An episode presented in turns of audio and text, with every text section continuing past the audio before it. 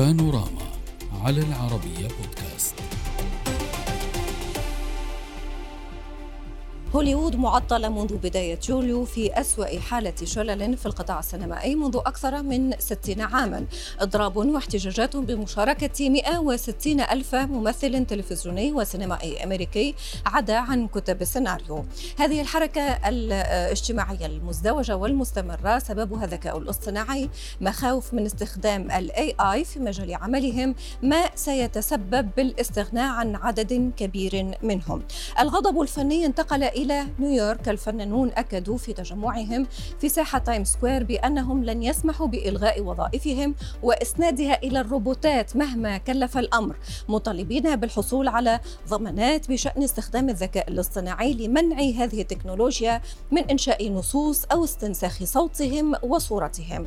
ويطالب الممثلون وكتاب السيناريو أيضا بزيادة أجورهم التي تشهد ركودا في زمن منصات البث الإلكتروني موضحين أن نحو 87% يتقاضون 26 ألف دولار في السنة دون تأمين صحي.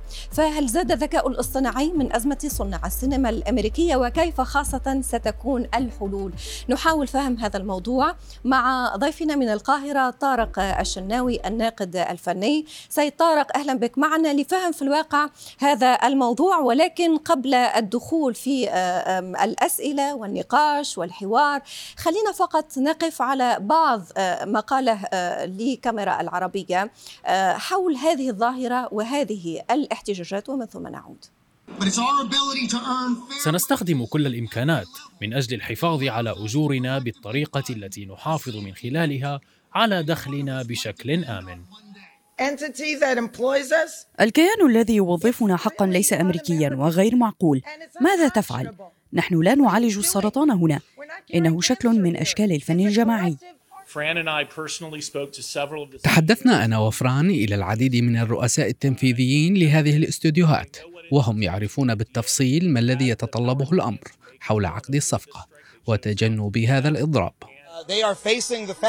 إنهم يواجهون الحقيقة التي تؤكد بأنهم ليس فقط لن يحصلوا على النصوص وبالتالي لن يتمكنوا من تصوير أي شيء حتى يتم عقد صفقة جديدة.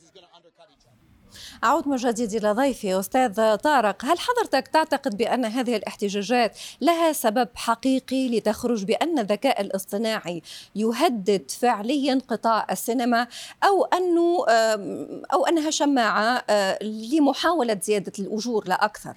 القول بذلك أقصد.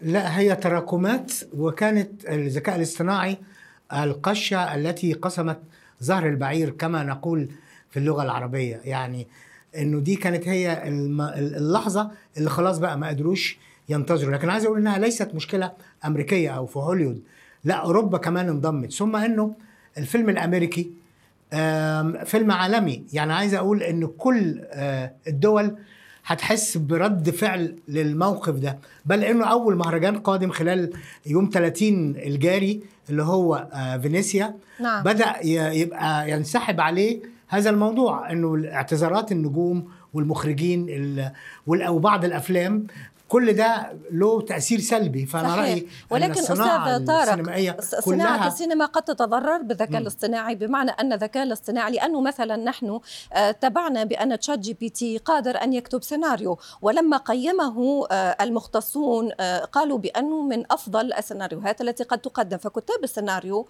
كذلك مهتمون ومعنيون بهذا الموضوع. الذكاء الاصطناعي قادر أن يؤثر على قطاع السينما حقيقه؟ خلينا نقول إن هو يؤثر ولكنه لن يكون بديل. يعني لن يكون هناك بديل للإنسان للوجدان. هو اسمه الذكاء. لكن هل الف... الإبداع مخ ولا وجدان وإحساس؟ ولا يمكن إن نتصور إنه يعني في السنوات القادمة هيكون في وجدان اصطناعي. أنا عايز أقول مؤكد إنه آه، في تخوف موجود حتى عن عند العلماء. اللي اخترعوا شايفين إن ممكن الجهاز يتطور أكثر من قدرتهم على استيعابه أو على السيطرة عليه فهو خوف نعم. في المطلق من الذكاء الاصطناعي مش بس عند عند عند الفنانين أو عند المطربين لأن هو موجود الحقيقة على كل المستويات والعازفين وكل حاجة كل كل تفاصيل ال- ال- الحياة أصبح الذكاء الاصطناعي بيشكل خطر ما. لكن ساعات الخطر من المجهول اللي أنت مش قادر تحدد قدراته بيبقى أكبر من الحقيقة. فأنا هم رأيي إنه كمان يتخوفون الخوف حتى ربما أستاذ طارق الخوف أنت ترى. بأن آه، الخوف مبالغ فيه ربما ولكن البعض يتخوف حتى من استنساخ الصوت من استنساخ الصورة. آه، هل حضرتك قبل الانتقال والحديث على نعم. تداعيات هذه الاحتجاجات ولكن حضرتك كناقد فني ومتابع آه، لكل تفاصيل ال- القطاع هل تعتقد بانه في يوم من الأيام قد نشاهد فيلم سينمائي آه، بصور وبأصوات آه، شخصيات ولكن أن لا تكون الشخصيات هي التي تمثل وإنما غادرت الذكاء. الاصطناعي قا- قا- قادر ذلك؟ طبعا ومؤكد إن هي- هيبقى في أفلام لمن غادروا الحياة تتعمل كل ده آه، قادم لكن أنا عايز أقول ما إحنا شفنا مثلا إنه حفلات هولوجرام لأم كلثوم وطلال صحيح. وعبد الوهاب وفريد الأطرش هل كانت بالنسبة لل- للجمهور كانت مشبعة؟ لا أنت ممكن النهارده تعمل حفلة لعمرو دياب حفلة بالذكاء الاصطناعي لعمرو دياب هل هتبقى هي بالظبط حفلة عمرو دياب؟ لو ظهر عمرو دياب أكيد لا. أك... في إحنا ما إحنا شايفين كمان على ال social media في أغاني كتير بصوت عبد الحليم من أغاني المهرجانات يعني عبد الحليم حافظ صحيح. خلوه يغني مهرجانات. هل هي هتبقى مقنعة قوي؟ أنا رأيي لا هو لسه الباب مفتوح. لكن لكن فكرة أن يكون هنا هناك بديل عن الوجدان البشر ده مستحيل. لكن ممكن الذكاء الاصطناعي نعم. يساهم في الكتابة. لكنه لن يقدم عمل فني يتجاوز إبداع الكاتب. يتجاوز يعني مستحيل سيظهر شكسبير مثلا آه، آه، آه، ذكاء اصطناعي. لكن هيبقى في حاجة على قريبة من فكرة شكسبير أستاذ طارق قد من يختلف. معك البعض. ممكن. قد يقول لك البعض بأنه قادر الذكاء الاصطناعي على تجاوز بعض المقالات تروج لهذه الفكرة والتحدث عن هذه الفكرة. ربما يكون محل نقاش كذلك. هيقترب لكن لن يكون سيقترب لكن لن يتجاوز. طيب هيقترب منها. هيقترب لكن لكن يظل الوجدان من المستحيل أن يكون جيمس كاميرون مثلا وده مخرج كبير قوي قلل كثيرا من التخوفات. يعني شايف إن ده مبالغ فيه. نعم. مثلا ده اللي عامل أفاتار وعامل كل الحاجات العظيمة دي. طيب بالعودة لهذه الاحتجاجات هل تعتقد بأن هذه الاحتجاجات قادرة أن تغير شيء في قطاع السينما من حيث القوانين؟ أن ترفع في الأجور مثلا؟ أن تنظم قوانين القطاع بطريقة مختلفة عما كانت عليه؟